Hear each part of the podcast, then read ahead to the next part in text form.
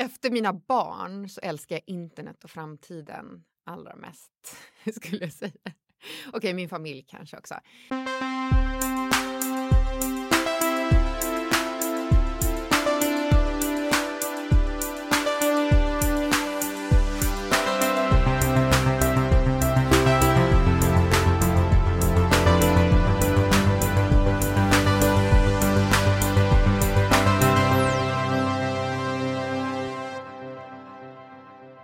Man tänker sig att eh, framtiden handlar om eh, social förmåga, nätverkande, att skapa communities där gränsöverskridande samtal kan frodas. Ja, men då är ju dagens gäst Paulina Modlitba ett lysande exempel. Vi kommer gå in en hel del på vad hon gör och har gjort tidigare. Framförallt är hon aktuell idag som programansvarig för Gather Festival i Nacka utanför Stockholm. Och om du hör det här innan den 13 till 15 september 2018 och inte har bestämt dig om du ska gå ännu. Då kan du få 1000 kronor i rabatt om du går in och beställer biljett och anger rabattkoden gather underscore heja framtiden. Förstår du? Gather understreck heja framtiden. 1000 kronor rakt ner i fickan. Ja, inte riktigt. Men eh, 1000 kronor rabatt. Det är inte kattskit. Du får då en saftig rabatt bara för att du råkar lyssna på världens kanske viktigaste podcast. Där vi med Paulinas egna ord fortsätter väva ett spindelnät av kunskap och erfarenheter.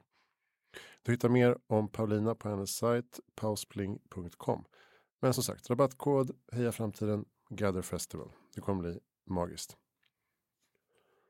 Jag vill rikta ett tack från djupet av mitt varma, stora, bultande hjärta till Helio och GT30 för att vi får använda deras poddstudio på GT-gatan 30 i Stockholm. Behöver du kontorsplats i Stockholmsområdet i en kreativ, avslappnad, inspirerande miljö? Kolla in helioworks.se. De har också en massa roliga aktiviteter. Warp Institute eh, vill skapa världens största community med framtidsoptimister och har en hel del roliga projekt i den så kallade pipen. Kolla in warpinstitute.org och gå samtidigt med i Sveriges mest optimistiska Facebookgrupp som heter Sveriges mest optimistiska Facebookgrupp. Där får du positiva nyheter varje dag och jag är med på ett hörn där. Och jag som ställer dumma frågor till smarta personer heter Christian von Essen. Mig hittar du på christianvonessen.com eller hejaframtiden.se. Använd mig gärna på alla sätt som behagas. Välkommen till Heja Framtiden med Paulina Modlitba.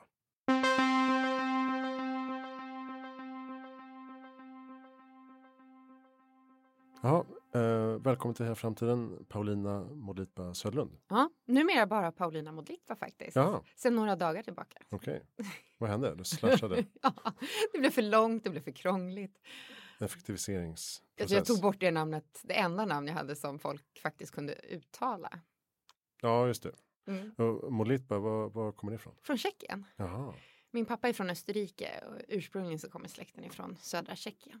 Okej. Okay. Mm. Bra. Um, kul att du är här. Um, Tack. Du är bara några skälvande dagar från Gatherfestivalen. Ja. som du håller på sätter ja. ihop programmet till. Yes. Uh, vi ska prata om det. Um, du är vad ska man säga, föreläsare, digital strateg, affärsutvecklare, Ja, jag gör allt liksom. Allt. Ja, jag är civilingenjör i grunden. Mm. Har alltid haft ett väldigt stort människointresse. Um, så jag är technörd men, men ännu mer människonörd uh, och har älskat att nätverka och vara social och gå på events och sånt där. Så att jag, det har kommit att bli så att sen jag startade eget för fem år sedan nästan uh, så, um, så kan jag livnära mig på mitt nätverk och på att jag liksom håller koll på framtiden, håller koll på spännande människor och ämnen och sådär. Och, och använder det på olika sätt. Antingen genom att jag föreläser själv eller genom att jag är med och sätter ihop program som jag gör till Women in Tech och Gather till exempel. Och har hjälpt webbdagarna med också. Eller att jag modererar på scen. Um, och sen så hjälper jag till med, jag sitter i en del styrelser och sen så jobbar jag med affärsutvecklingsstrategiprojekt också. Mm. Så lite, lite av varje. Vad är din grundsyn då på framtiden, på framtidsfrågor? Jag älskar framtiden. Efter mina barn så älskar jag internet och framtiden allra mest, skulle jag säga. Okej, min familj kanske också. Ja, men synen på framtiden. Jag är ju väldigt mycket av en optimist. Eh, rent miljömässigt nu så den här sommaren har jag faktiskt gått över till att bli pessimist och känna att vi nog har, eh, om man får svära, fuckat upp allting. Men, men jag är teknikoptimist och jag tänker att om det är någon som kommer rädda, något som kommer att kunna rädda den här planeten så är det att entreprenörer, innovatörer i någon form tar ett krafttag och med hjälp av um, olika uppfinningar, nu låter det väldigt vagt här inser jag, men med hjälp av innovation och teknik faktiskt få rätt sida på saker och ting och förhoppningsvis tillräckligt snabbt för att, ja, för att vi ska kunna fortleva. Mm. Men eh, då kanske vi ska fokusera ännu mer på klimatutmaningar då, eh, ja. när det gäller socialt entreprenörskap och Absolut. Eh, innovations Ja, och jag är så himla glad. Jag är så glad att se att det börjar ta fart nu. Att, mm. inte, mm. att vi har gått från välgörenhet, eh, prata välgörenhet till att faktiskt se att det finns affärer, socialt entreprenörskap helt enkelt, och se att det finns affärer. Man kan göra affärer och göra gott på samma gång. Och det, det är väl det är väl ganska symptomatiskt med alltså vad som händer i Stockholm alltså de senaste tio åren. Um, mm. I vilken aspekt tänker du? Jag tänker um, IT och techbolag, uh, bara, bara sådana här ställen som vi sitter i nu, ja. alltså coworking communities, mm. uh, många så att säga gränsöverskridande. Ja, och nu finns det ju platser. väldigt många, det finns ju ett flertal coworking spaces som har fokus på socialt entreprenörskap och mm. på att människor med som har fokus eh, på socialt entreprenörskap ska kunna eh, som dela erfarenheter och träffa investerare och så vidare som Norrsken House till exempel. Och, eh, Gingers Hub och, och flera exempel. Impact liksom. Hub. Impact också. Hub också. Mm. Och, och det, märk, ja, men det märks jättetydligt att den Eh, det har seglat upp helt enkelt. Det är där uppe bland, bland, det, bland det viktigaste och mest häftiga man kan göra som entreprenör faktiskt. Mm, det är bra. Ja. Eh, du nämnde någonstans att, att uh, du uh, försökte förstå varför du är bra på att förutspå framtiden eller ja. prata om framtiden. Ja. Och du nämnde det uh, vad din pappa berättade när du var liten. Mm. Kan inte du berätta lite kort vad jo, jag var väldigt, av det? Jo, jag var väldigt lillgammal. Alltså jag um, gick rakt över till att direkt över till att, att läsa vuxenböcker och läsa historiska. Mm, jag är lärarbarn så att jag, jag snodde böcker av min mamma eh, mm. om historia, kungar och drottningar, om och älskade framförallt att prata om saker med min pappa. Så vi tog långa promenader redan när jag var fem, sex, sju år, gammal. Prata filosofi, prata om ja, men hur världen fungerar och så vidare. Och ehm, och då, det här är ju först efteråt som jag har förstått hur det har påverkat mig. Men jag kommer ihåg att han sa just att vi pratade om lärande och hur man lär sig bättre och då sa han att istället för att lära dig saker utan till Paulina så försök att knyta an allt nytt du lär dig till någonting du redan förstår eller vet eller kan. Så tänk dig att du liksom bygger som ett spindelnät av insikter. Och eh, ja, det där satte sig någonstans långt bak i huvudet tror jag på mig. För att jag inser att det är det jag har gjort. Och jag inser att nu när jag jobbar med framtiden och har haft svårt att sätta ord på varför jag är bra på det. För det är ju någonstans och det är det jag anlitas för. Så den här fingertoppskänslan är nog att jag tack vare det här spindelnätet också kan förlänga det in i framtiden. Om man förstår hur saker som har hänt hänger ihop så kan man också extrapolera det på något sätt in i framtiden och se, ja men då kommer det antagligen leda till det här och det här och det här. Man ser mönster på ett annat sätt. Så det har varit otroligt hjälpsamt eh, mm. för mig. Jag brukar tänka att, att vi lägger pusslet som aldrig blir färdigt. Alltså ja. hela tiden hitta nya bitar till mm. hur saker hänger ihop. Och i mångt och mycket så upprepas ju saker. Så det handlar just om att, att se mönster också, förstå att det här är bara en eh, ett annat format för någonting vi redan har sett. Att saker, samma saker kan yttra sig på lite olika sätt. Men mm. det, Ja, just det. Ja. Du tog som exempel eh, Amy Webb, eh, trendspanare och futurist som mm. släpper en årlig rapport om eh, globala techtrender. Mm. Um, kan rekommendera den varmt. Hon är en av mina absoluta favoriter. Mm. stavas som det låter, webb, 2B. Um, så himla bra namn när man jobbar i den branschen. Låter så taget. Ja men exakt. Så det är bara att googla på, på um, Future Report och Amy Webb så hittar man det och det finns tillgängligt gratis. Uh, flera hundra trender som hon har kartlagt på, på bra sätt. Just det, ja, men, och, och, och där, och där tycker jag var en viktig grej att, att um, olika tekniktrender är inte oberoende av varandra utan mm. allting hänger ihop i den tidsanda som vi lever i. Exakt. Och att, de, att det finns en konvergens där de um, driver på varandra. Ja. Um, och det är väl något som är svårt för gemene man kanske att förstå eller ja, se. Exakt, och som jag försöker lyfta fram i mina föreläsningar just i samband med att jag försöker få publiken att förstå blockkedjan. Eh, alltså blockkedjans större möjligheter utöver kryptovalutor och så vidare så försöker jag koppla an det till AI, självkörande bilar och så vidare och, och få publiken att förstå varför, varför de sakerna hänger ihop och varför det är så mm. viktigt att när allting automatiseras och vi som människor kommer vara inblandade i, i färre och färre moment i det som sker så så kommer det behövas mekanismer som eh, kontrollerar att data flyter i rätt riktningar, säkerhet och tillit och allt det liksom. Och hur blockkedjan då kan fungera som den, den plattformen och den databasen som håller koll på alla transaktioner helt enkelt som sker. Just det. Ja, för, ja, just det. Och då, bara där förstår man att blockkedjan inte är något separat som ja, någon annan håller på med. Nej. allting, allting samspelar. Exakt. Men det, hur kom du Eh, hur kommer det sig att du hamnade på MIT Media Lab då, i USA?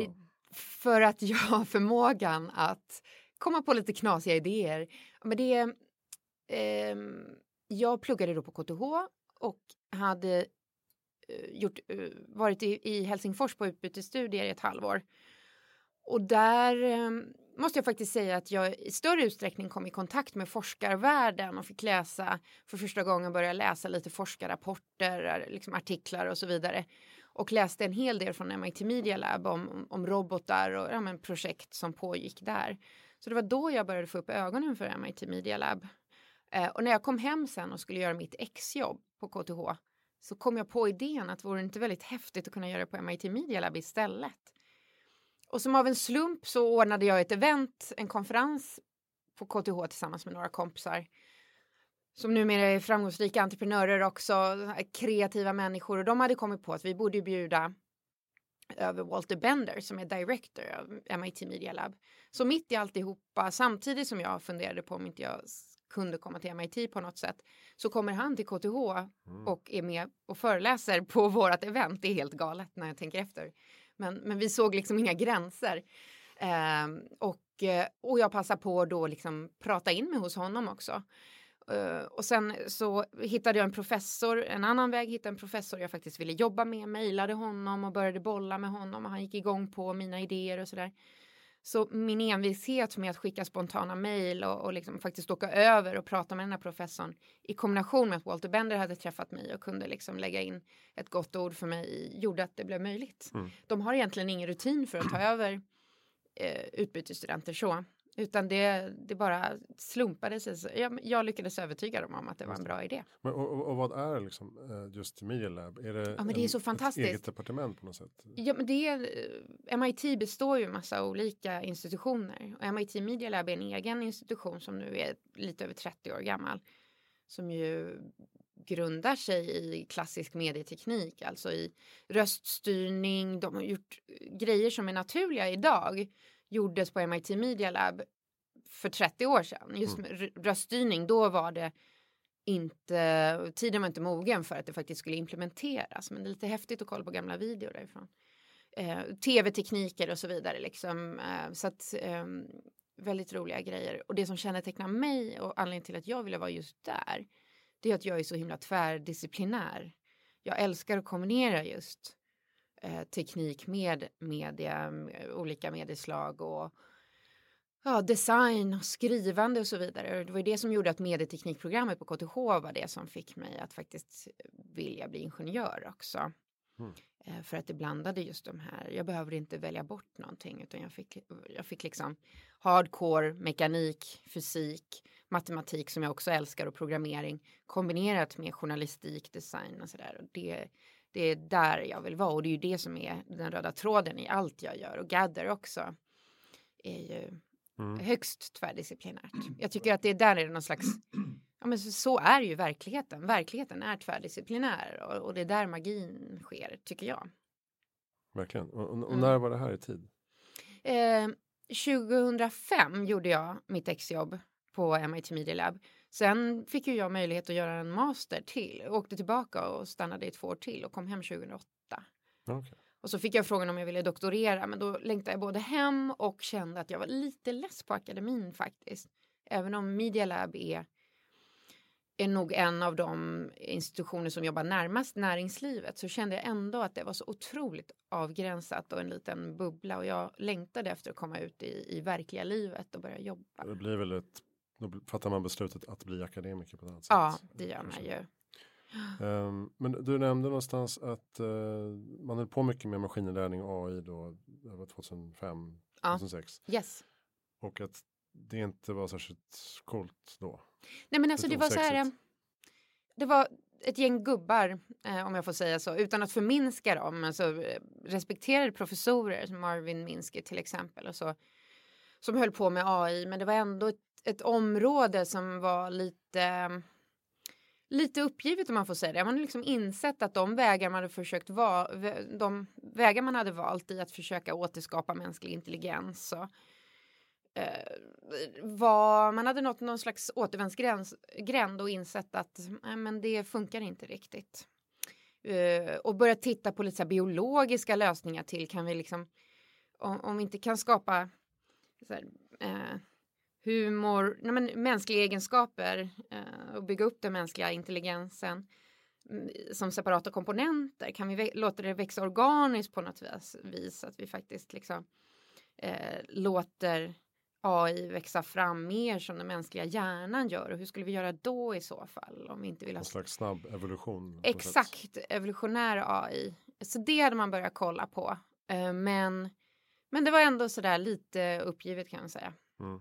Eh, så det, det är häftigt att se hur det sen tog fart. Vad är det som har hänt då sen dess? Eh, tekniken framför allt, alltså både molnlösningar, alltså att, ja, men tekniken helt enkelt, att vi både kan lagra enormt mycket större datamängder idag, vilket är en förutsättning. Och sen har ju bland annat spelbranschen hjälpt till i att man har liksom de processorer, kraftfulla processorer som utvecklas i spelbranschen kan också användas för AI, för de parallella, ganska avancerade processer som, som AI kräver helt enkelt. Um, ja, så jag tycker det är jättespännande. För traditionellt så är det mycket militären som har och fortfarande driver på mycket innovation. Men att se att också spelbranschen spelar en viktig roll idag i att, att driva på farten mm. och göra uh, saker möjliga på ett helt annat sätt gjort AI tillgängligt nu. Är, tycker jag är superkul. Det har också varit en sväng på uh, Tokaboka mm. som gör alla små för, små, småbarnsföräldrars eh, rockstjärnebolag. Dröm, ja exakt.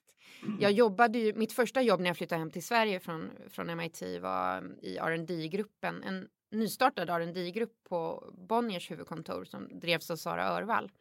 Som nu precis ska tillträda som innovationschef på uh, SCB. Och uh, där fick jag möjligheten att jobba med Björn Jeffrey och Emil Ovemar som är de två som grundade Tokaboka.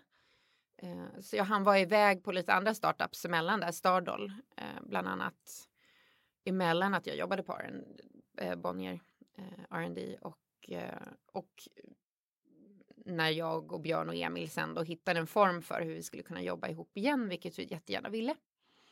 Så jag klev in på den första rollen som var utanför faktisk appproduktion. Liksom. Så fort de visste att de behövde någon som jobbade mer med att bygga community, jobba marknadsföring, PR och så vidare så klev jag in i den rollen. Så jag var väl anställd sju, åtta någonting sådär. Mm. Men och sen eh, det såldes till slut, eller han drev vidare det i San Francisco sen? Ja, alltså, ja, Björn flyttade till San Francisco och byggde upp ett kontor där. Och sen sa han upp sig för ungefär ett år sedan. Men innan dess så såldes det till ett kanadensiskt eh, leksaksbolag. Nej, kanadensiskt. Okay. Och då blev det lite någon konstigt Toka TV Nej, men det var också ett parallellt projekt. Det Alltså, var det. det var den stora utmaningen för Tokaboka ganska tidigt, i att inse att det går jättebra med appar och Tokaboka är fortfarande, de är ju, dominerar hela barnappsmarknaden. Men hur skalar man utöver det? Liksom? Vad, vad, det är ju ändå en begränsad tårta som Tokaboka tog en allt större tårt, liksom, bit av. Eh, Men om man går utanför den tårtan och ska börja tjäna större belopp och liksom skala hela affären och hitta nya affärsområden, vad skulle det vara? Och då börjar man titta på eh, underhållning helt enkelt. Och man har också kollat på merch och sånt som, ja. Ehm, men det gick inte riktigt så som man hade hoppats kanske. Men Ja, det är ett fantastiskt varumärke. ja, Om inte annat. Verkligen som, som som sagt fortfarande går som tåget. Så det är spännande att följa. Just det, du, har- du har varit involverad i Women in Tech som Ja. sagt. Yes. Eh, kallar det för Geek Girl och eh, feminist och sådär. Ja.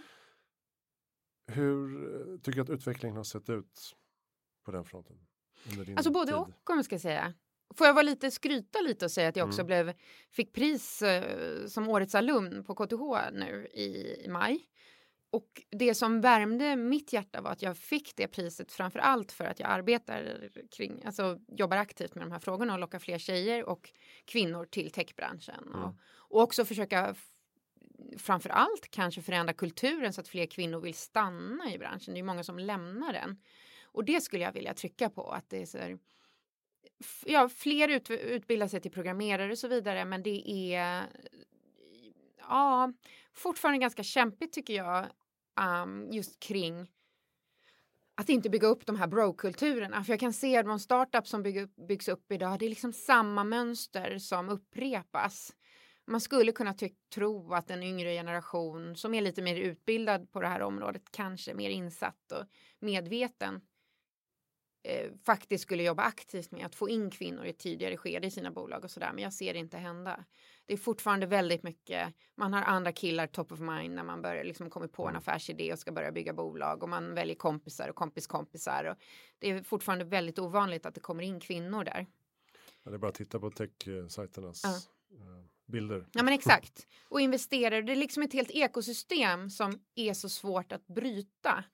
I, eh, ja, investerare, de flesta är män. De invest- när man bildar ett bolag så är det ju oftast grundarna och eh, några av investerarna som kliver in i styrelsen och då blir det alla män i styrelsen också och det är liksom bara ja, det, jag vet inte riktigt hur man ska bryta den trenden. Många det måste man bara göra. pratar, Fler pratar nu om att få in eh, kvinnligt ägande som en Absolut. självklarhet. Ja.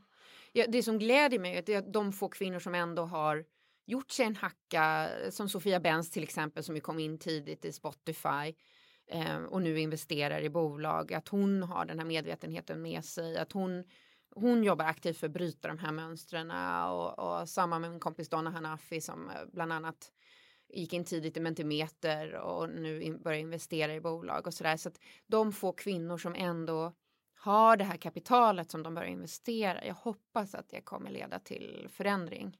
Mm. Ehm, ja.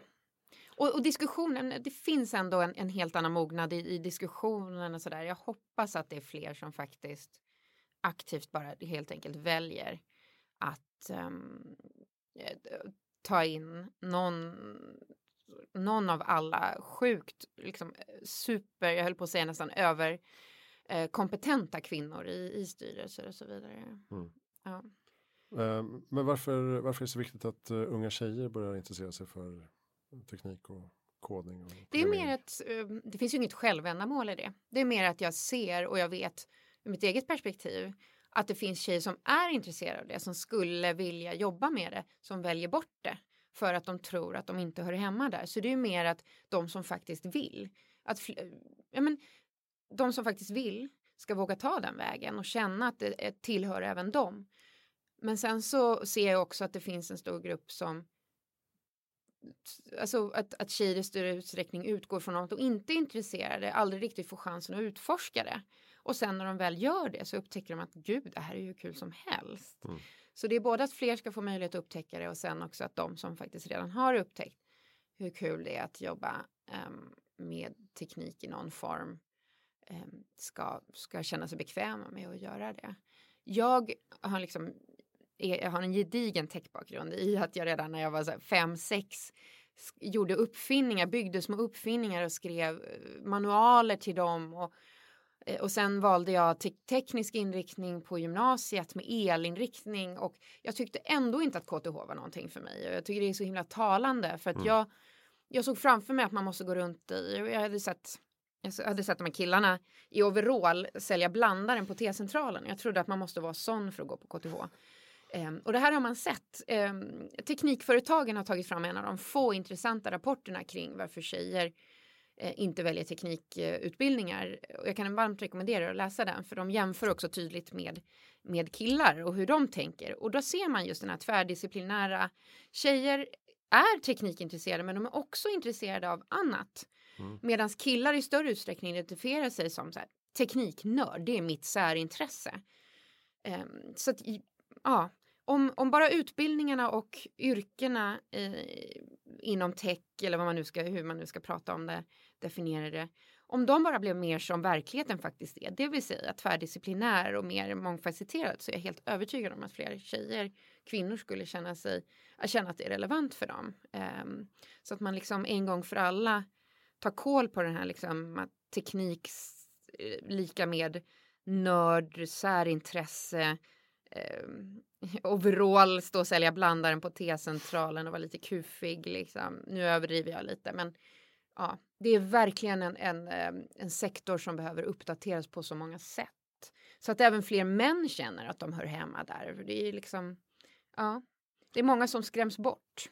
Just det. Men även eh, om nu kvinnor har mer, en mer tvärvetenskaplig inriktning eller ett tvärvetenskapligt förhållningssätt till världen så ja. borde de kunna avancera snabbare. Om inte annat. Absolut. Och jag känner det mer och mer tydligt. Att, ehm, att nu när världen, utvecklingen går så snabbt och det inte går att särskilja saker längre utan det är så tydligt att allting är komplext och hänger ihop på olika sätt och man måste förstå det. Så jag är helt övertygad om att jag ska inte säga det kvinnliga sättet, men just det tvärdisciplinära perspektivet är det som är vinnande helt enkelt. Mm. Um, så att, um, ja.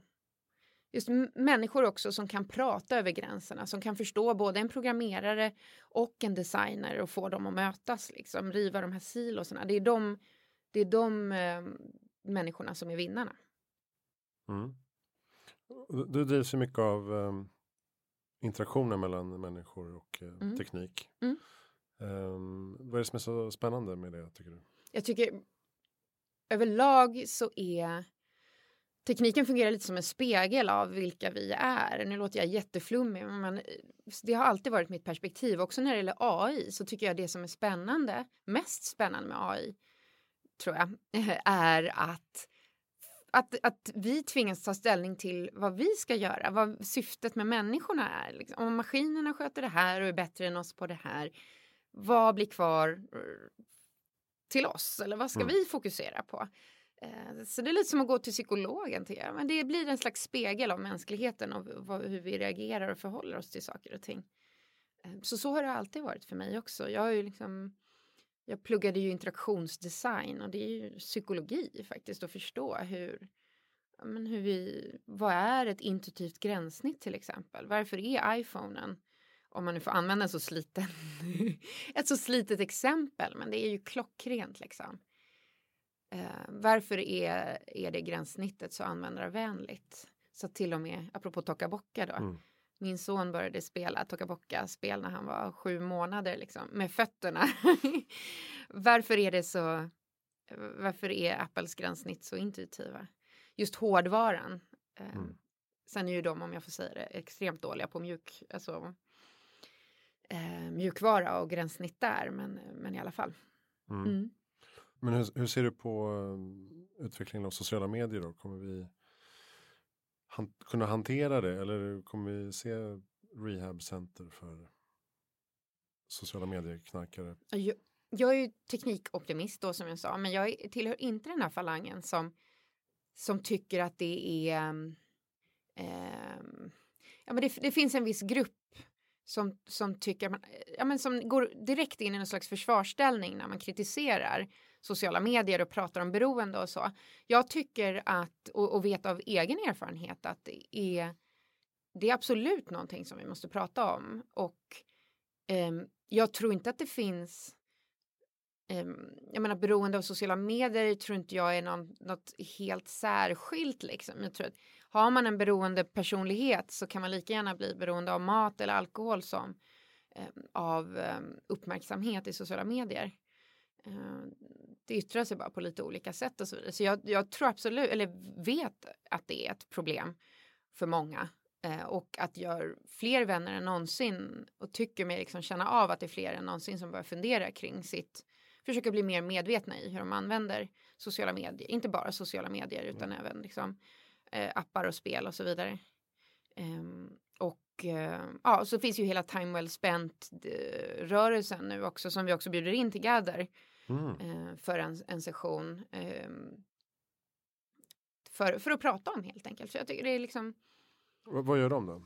Ja, men Time Well Spent startades av en, en före detta, um, tror jag jobbar på Facebook bland annat grundare och eh, som reflekterade kring och som har liksom erfarenhet av att eh, apparna ju verkligen har designats för att maximera användare. Liksom, det är inte designat utifrån användarnas välmående. Um, så det är ju inget, liksom, Facebook jobbar ju till exempel inte då med att um, push, pushnotiser som säger att Nej, men nu har du varit inne här liksom 20 gånger den senaste timmen. Ska du inte tagga ner lite och få leka lite med dina barn istället om du förstår vad jag menar mm. för att hårdra det.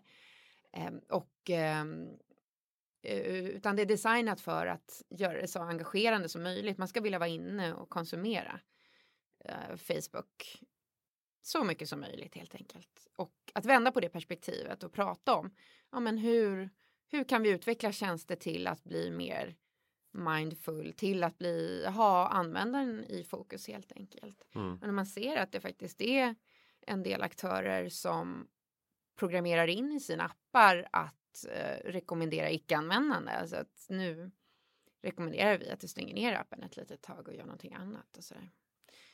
Ja, jag tycker det är komplext och, och jag tycker inte att man ska driva diskussionen för att bärsa teknik. Det är som sagt det är inte tekniken, alltså, det är, det, är liksom, det är behov och beteenden och beroenden som vi lika gärna kan yttra sig mot något annat. Men man ska inte ducka för det. Nej, det, till stor del kemiska impulser mm. också. Kickarna man får. Absolut. Ja. Bekräftelse. Absolut. Um, men, men, du har varit inne på att, att uh, vi behöver liksom mer samarbete, transparens, hållbarhet i mm. utvecklingen mm. generellt. Hur ska detta gå till? Är det, är det gränsöverskridande eh, samtal och eh, yes, det är det. Och det är det. festivaler? Och, ja, om jag, får, om jag får lyfta gadder då igen så ja. är det det det handlar om också. Det är inte bara tvärdisciplinärt i, vad gäller de ämnen vi tar upp utan det är ju också designat för att näringsliv ska möta eh, ska möta studenter, ska möta entreprenörer, ska möta mm, akademin och så vidare. Så det, vi vill ju verkligen att människor från olika eh, olika områden ska mötas och Gather är också lösningsorienterat så vi försöker liksom ha, göra plats för diskussioner och för workshops och andra typer av platser där man kan lösa några av de stora problem som vi lyfter under dagen. Så jag tror mycket på sånt och där ser jag också en ljusning i att att eh, Stockholms stad, regeringen eh, lyfter den här typen av frågor i att försöka underlätta för olika typer av aktörer att mötas. Vinnova är ju en sån jättebra institution som verkligen eh, som ju ger medel till till forskningsprojekt och till entreprenörer och då är det oftast definierat. Man kan inte söka medel från deras eh, utlysningar om man inte samarbetar över sektorgränser. Mm. Liksom. Eh, vilket är fantastiskt. Men berätta lite om årets program då. Eh, mm. Ska vi se, är det 13? 13 14 är det talarprogram. Och sen, och sen så kombinerar vi, i och med att det är kulturmänniskor som ligger bakom det här, Jakob Grandin bland annat som startar Trädgården, så är det mycket musik i det här också, underhållning och eh, så på lördagen där den 15 är det också kulturprogram. Mm. Och sen gör vi en grej med Nacka stad också, i och med att det är i Sickla uppe på Nobelberget så gör vi en stadsplaneringsfokuserad grej också dagen innan. Så att det är lite så här men, men mitt fokus är 13-14 då, torsdag, fredag, september. Mm. Det är det jag älskade förra året när det började eh, dyka upp till marknadsföring för Gather. Ja. Att jag förstod inte riktigt vad det var. Nej. Det var det som var så jävla härligt. och det där... Jag vet inte vad det är men jag måste dit. Ja, ja men då lyckades vi med dig. Men det där tvistar vi men om. Det var svårt liksom. att få dit uh, mycket folk. Ja. Um, för att vissa av oss i teamet vill uttala att, att det ska kännas mystiskt och svårförståeligt. Det ska vara någonting annat och man ska inte riktigt exakt förstå. Nej, man måste vara där för ja, att uh, exakt. delta. Uh, Medan andra av oss inte riktigt är så sålda på den idén. Uh, utan tror att det, ska, måste, att det måste vara tydligare och sådär. Så att vi håller på och stöter och blöter och det blir någonting mittemellan liksom. Men helt klart är det så att Gather är, sticker ut i att det inte riktigt var som, som andra event helt enkelt. I, kombinationen av eh, ämnen och, och ja. För du har ju satt ihop eh, talarprogrammet, ja. 50 talare. Ja, över, det blir över 50 talare, mm. för nu kör vi faktiskt med några paneler. Jag försöker undvika det ganska mycket. Men, mm. men nu är det så vissa stora frågor som demokratins framtid till exempel. Och där kände jag bara att det måste vara en paneldebatt. Eh, vi kan inte bara ha en talare som står och, och pratar du, om hur det. Hur har du jobbat med programmet? Hur har du tänkt? Vi började med en stor workshop där vi bjöd in dels våra team och så några externa personer med kloka tankar och perspektiv. Och eh, vi har ju fem fokusområden. Och sen så, ja, som är Democracy and Power, uh, Humans and Machines, som är City Planning and Society, uh, som är uh, Money Business and Transactions och som är... Media. Vad sa du? Media. Ja, Media Design and Creativity. Så då såg vi helt enkelt till att spåna fram vilka är de viktigaste frågeställningarna. Det blir ganska dystopiskt. Och jag märkte att jag själv också har en dragning till det dystopiska, till de mm. riktigt svåra frågorna. Ja, men, demokratin, den håller på att dö ut till exempel. Eh, eller gör den det? Eh, och eh, så där, där blev mitt jobb väldigt mycket att försöka få in det konstruktiva, det positiva och så vidare. Annars tycker jag min erfarenhet av andra konferenser är att det oftast är en så här halleluja-stämning. Väldigt stark teknikoptimism och vi kan lösa alla problem. Och det, ja. Uh, medans, ja, här fick jag jobba med att få in, få en balans i det liksom. Mm. Och det är den mixen som vi vill ha, både i både ämnen och vad människor kommer ifrån från, från, eh, för sektor men också i vad man har för perspektiv på saker och ting. Om man är mer dystopisk eller, eller tenderar att vara mer optimistisk och så vill vi få till en dynamik. Så vi kör med mm, de här fem fokusområdena och inom varje fokusområde så har vi tre fördjupningsområden. Och inom de tre fördjupningsområdena eller frågorna, frågeställningarna så har vi tre talare som pratar 20 minuter var och så möts de i en gemensam diskussion efteråt. Så det är så strukturen ser ut på ett ungefär. Mm. Mm. Har du några tips på några av de mest spännande talarna som du har fått ihop? Alltså min, jag fick ju min dröm, min dröm keynote, Christopher Wiley, mm. visselblåsaren. Eh, och Jakob fick sin drömtalare, eh, som han ganska sent insåg var hans drömtalare, som är eh, som Sheila eh, vet inte hur man uttalar hennes efternamn faktiskt, Bernstein eller något sånt där.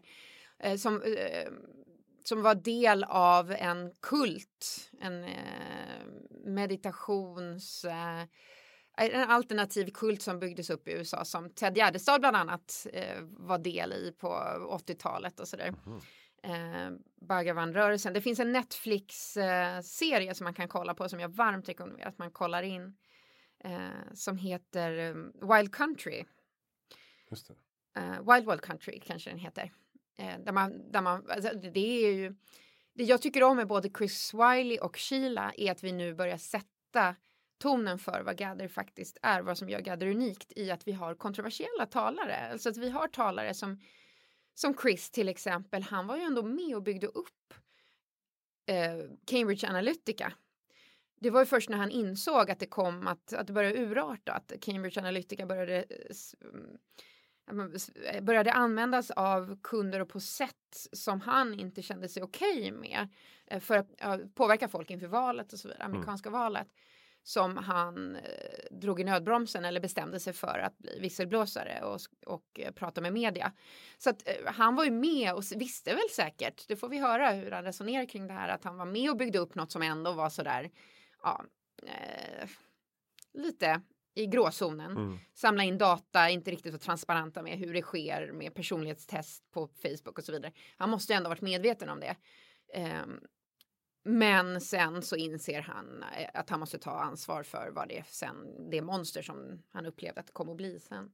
Och Sheila då som också är, vi har bjudit in henne för att hon har intressanta tankar om i dessa tider om så här, känsla av ett behov av att tillhöra någonting, rörelse. Eh, men där är ju också ytterst kontroversiellt i liksom, hon har ju suttit i fängelse för att hon tog till, eh, till vapen i att försvara det community som de då byggde upp Mm.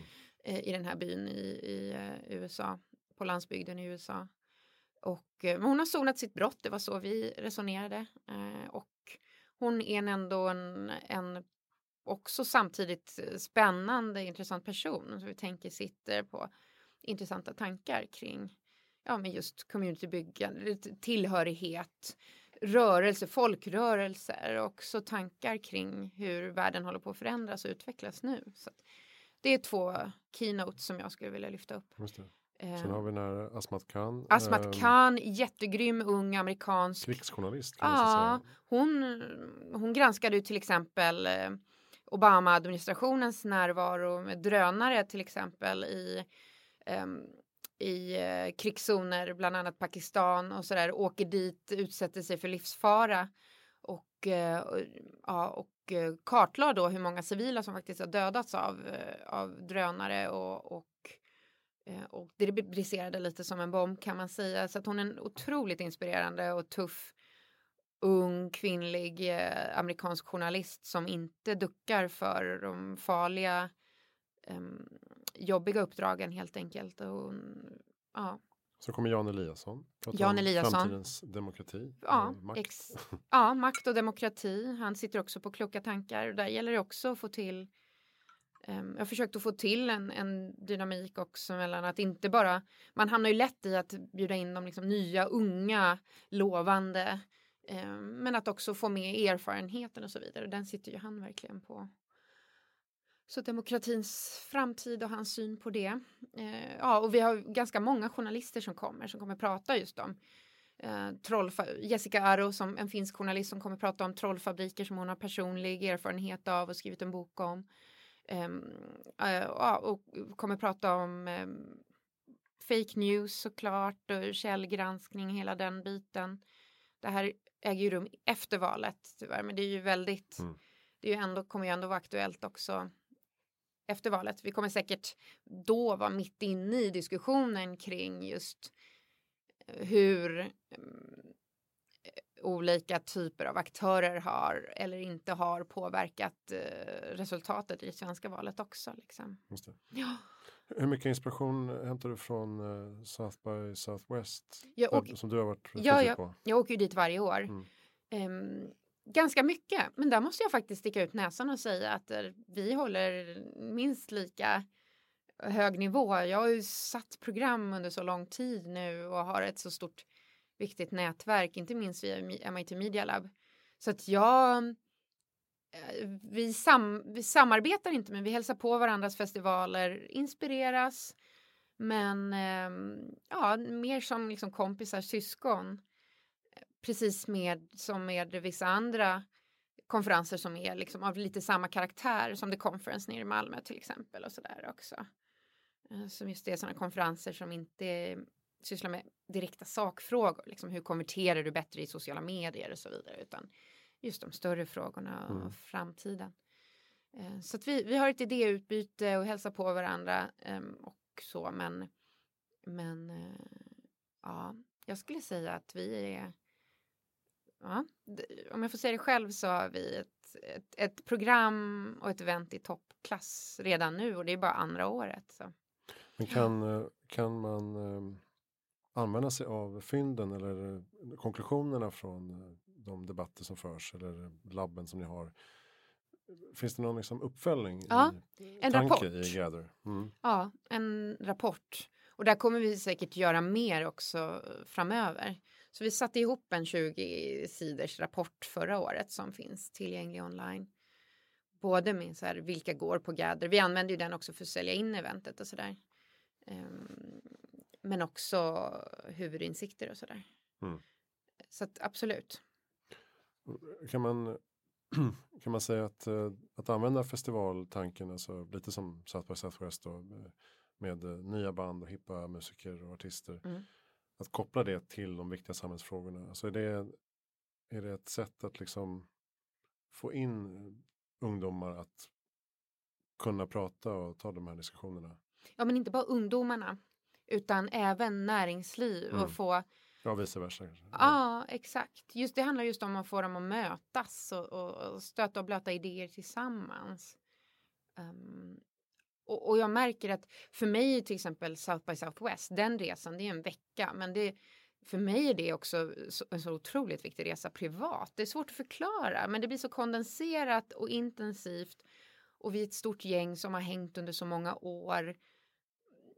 Det blir liksom, det är som terapi också och, och sätter igång mycket tankar i mig och det märker man också utifrån den rapporten från förra året så var det en ganska stor andel som som rapporterade eh, angav att de faktiskt hade trodde sig ha träffat sin, sitt livs kärlek där på, eh, på, på, eh, på Gather.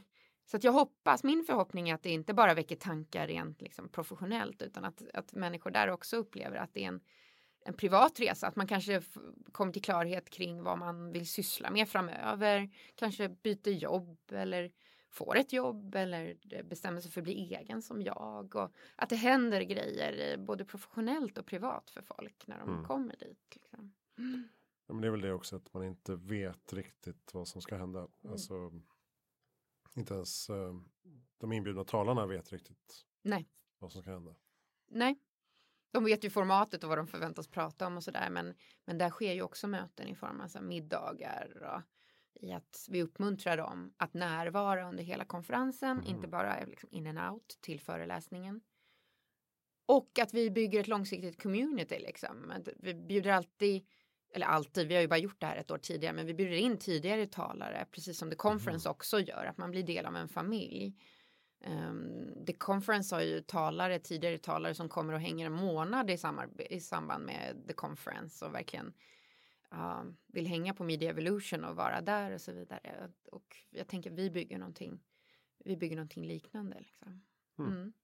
Och att mitt jobb därmed förhoppningsvis blir lättare och lättare därför att vi har tidigare talare som har sina nätverk som kan tipsa om spännande personer och så vidare. Så att, mm. Hur ser du på din egen framtid? Då? Jag hoppas ju på, jag har ju suttit i digitaliseringskommissionens expertråd eh, och det är det tydligaste som jag har gjort i att faktiskt på um, jobb, liksom, fungera som rådgivare till de som sitter på makt, faktiskt politisk makt. Och det skulle jag vilja göra mer av. Eh, I att, eh, ja, jag hoppas att det kommer lite mer så här, jag, jag vill inte ge mig in i politiken eh, och jag vill inte heller liksom jobba en helt, liksom på heltid med den här typen av uppdrag eh, under, under ett helt, liksom en hel mandatperiod. Så jag hoppas på något vis att, att det i framtiden kommer lite mer dynamiska, korta format för att man kanske kan jobba som någon så här eh, rådgivare in resident på näringsdepartementet. Jag hade till exempel älskat att jobba med Mikael Damberg och hans departement på det viset för det är de som jag tycker ligger allra mest i framkant kring de här frågorna. Jag skulle älska att jobba med Annie Lööf kring de här frågorna också. Så där verkligen, jag vill jobba mer rådgivande, jobba närmare i att faktiskt försöka påverka samhället eh, och förutsättningarna. För en av de frågor som jag lyfter mest där i expertrådet, det är min oro för olika typer av gapglapp i samhället, inte bara ekonomiska utan också den digitala. Eh, där jag ser framför mig redan nu hur vi som är välutbildade, eh, Eh, insatta i att kunna förstå vad som händer i framtiden, hur snabbt den här utvecklingen kommer ske. Vi förbereder redan nu idag för att vi ska kunna hänga, hänga med där. Och liksom, ja, jag vet att jag kommer behöva vidareutbilda mig så småningom och det, i framtiden kommer man behöva vidareutbilda sig både två, tre, fyra gånger för att saker och ting förändras så snabbt och det får man i större utsträckning ta ansvar för själv. Ehm, de som inte är insatta i det är de lågutbildade som kanske har mer jobbar i fabrik eller i restaurangbranschen och så vidare. De kommer bli, bli frånkörda. Jag ser, ja, jag har lite ont i magen kring den utvecklingen, hur det kommer bildas en, en, en underklass på ett annat sätt eh, än vad vi ser idag. Alltså som inte bara är ekonomisk, socioekonomisk utan som handlar om att man inte förstår hur världen utvecklas och hur hänger med i den takt som, som förutsättningar förändras. Mm. Liksom. Ja, men det har jag varit inne på här tidigare också. Ja. Det är inte bristen på tillgång till teknik på något sätt utan det är bara bristen på kunskap och förståelse om vad som hur snabbt saker Och hur man kan vara relevant på arbetsmarknaden och så vidare. Mm. Det är ju också förståelse för teknik och hur man använder den. Det hänger ju ihop på något vis i att vara relevant. Men det är just de som automatiseras bort först är de som också kommer svårast att omskola sig och se till mm att de i tid är relevanta och som inte tänker jag heller kanske riktigt har mindsetet att de behöver ta tag i det själva. Jag, jag är ju, jag måste säga att jag är en eh, uppväxt socialdemokrat och är, tror verkligen vill leva i ett solidariskt samhälle. Men jag kan också se att den mentalitet vi har byggt upp under alla år i att lite så här, staten fixar det. Staten tar ansvar för att hålla koll på vad jag faktiskt behöver utbilda mig till. Mm. Vilka jobb som finns. Det kommer de vara sämre och sämre på att göra i framtiden. De ska tillhandahålla jobben. Också. Ja men exakt, det kommer inte hända. Vi som individer, möjligtvis våra arbetsgivare kommer behöva ansvara för det. Offentlig sektor, makten, politikerna hänger inte med. De gör det inte idag, de kommer göra det ännu mindre sen. Vi kommer inte kunna förlita oss på att någon annan fixar det åt oss. Och det där, det oroar mig lite. Mm. Eller ganska mycket, väldigt mycket. Mm. Dina, dina barn sitter faktiskt utanför och spelar padda. Ja. Det är planeringsdag idag. Yes. Mm, Eller vara. planteringsdag som jag råkade smsa till, till en annan kund. Ja. Det är ingen som vet vad de gör på de här dagarna. Nej, Men vad, eh, vad ser du att de ska plugga eller jobba med då? Där, vi är ju barn i samma ålder. Ja. Man, man, funderar ju ändå på de här frågorna. Exakt. Det är lätt att tänka så här, nu ska ni jobba med programmering. Men ja. det kanske är helt meningslöst om fem år. Nej, men programmering är alltid en bra grej att kunna och mm. förstå. För det ligger till grund för så mycket. Eh, samtidigt som det också kommer att automatiseras. Så att, jag tror inte man behöver kunna programmera i den bemärkelsen. Men ändå, jag förstå. har stor nytta av att förstå. Eh, förstå grunderna. Det jag försöker, mina barn kan ju inte förklara vad jag gör i mitt jobb. Och jag ser det som en positiv grej. Att det jag vill överföra till mina barn är just det här att um, anpassa sig, kunna göra lite av varje. De får ju verkligen, de växer upp och i gigekonomin och ser mig samtidigt som de är frustrerade och ibland säger rakt ut att mamma varför jobbar du med så många olika människor liksom måste mm. du ha så många jobb så så tänker jag att det är nyttigt att de ser att jag hela tiden att nyfikenheten utvecklingen, att jag hela tiden förnyar mig eh, och driver min egen, entreprenörskapet, det är ju det de kommer behöva dela med också. Mm. Och tekniken framför allt då, liksom också, eh, inte som ett självändamål. De behöver inte bli tekniknördar, de behöver inte ha det som särintresse. Men det genomsyrar allt, så jag vill att de tidigt liksom ska känna sig bekväma med det och förstå eh, hur det kan användas. Och hur människa och teknik samverkar och så vidare. Liksom. Mm. Ett, och, ett, ja. ett, dilemma med alla de här eh, intuitiva och glättiga gränssnitten är att det är svårt att förklara hur det, mm. vad som händer bakom. Ja, men det löser sig väldigt naturligt, i alla fall med mina barn, i alla fall med ett av dem. Han är väldigt tydlig en sån här plocka isärare mm. som vill förstå hur saker och ting fungerar och som vrider och vänder tills han gör det och där försöker jag att inte ducka de frågorna heller, även om det ibland kan kännas som att inte en, en fråga till liksom. Kan vi inte bara mm. så försöker jag att, att uppmuntra den nyfikenheten i att förstå vad som finns därunder. Eh, ja. Men framför allt entreprenörskapet. Jag har ju insett, jag har ju inte sett mina föräldrar som entreprenörer, men de är ju det när jag inser det. Mamma drev en friskola under många år. Pappa drev en, är självlärd programmerare och, eh, och eh, programmerade databaser som extrajobb på fritiden. Så att jag antar att det är det som har gjort att jag också har velat bygga egna, ja men bygga min egen verksamhet. Mm. Och det tror jag är det bästa man kan överföra till sina barn idag. Just det här, ta, ta ansvar för ditt egna. Och, men behåll lusten i det också och, och upp och nyfikenheten. Upptäckarlusten. Mm. Och nyfikenheten, aldrig stagnera. Bygg det här, sluta aldrig bygga på det här spindelnätet då, som vi pratade om i början av vårt samtal. Just det. Mm.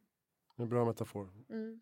Och du, och du är ju lite spindel i nätet också. Ja, på, på, på andra sätt också. Mm. Ja, i, mitt, I mitt nätverk. Mm. Bra, du ska få gå ut och kolla till dem. Ja. Ehm, vem tycker att jag ska intervjua i Heja Framtiden? I Heja Framtiden tycker jag att du ska... Nu har jag dålig koll på vilka du har intervjuat och sådär. Ehm, men jag, jag är uppvuxen, född och uppvuxen i orten, i Jordbro, eh, som en betongförort.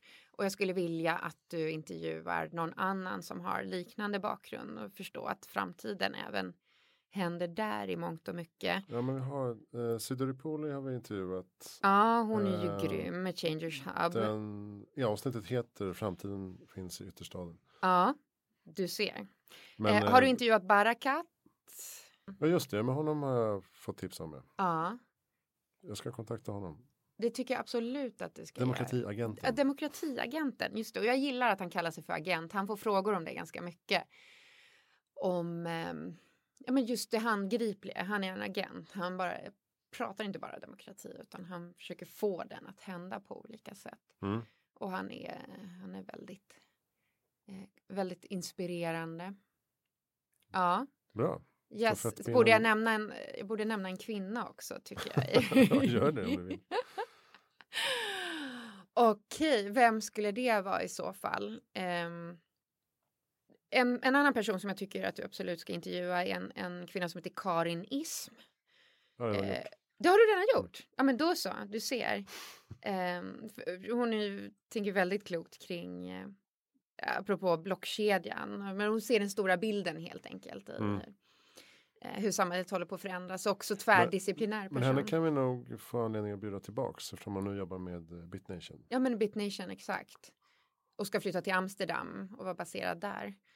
Tove Andersson är en som har som startat eh, Kryptogaris.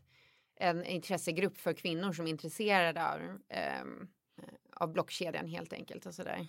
och hon är väldigt insatt också i hur, eh, men inte bara kryptovalutor utan blockkedjan i stort. För det är det, den, den diskussionen jag tycker är intressant också. Mm. Så kolla in Tove Andersson, absolut.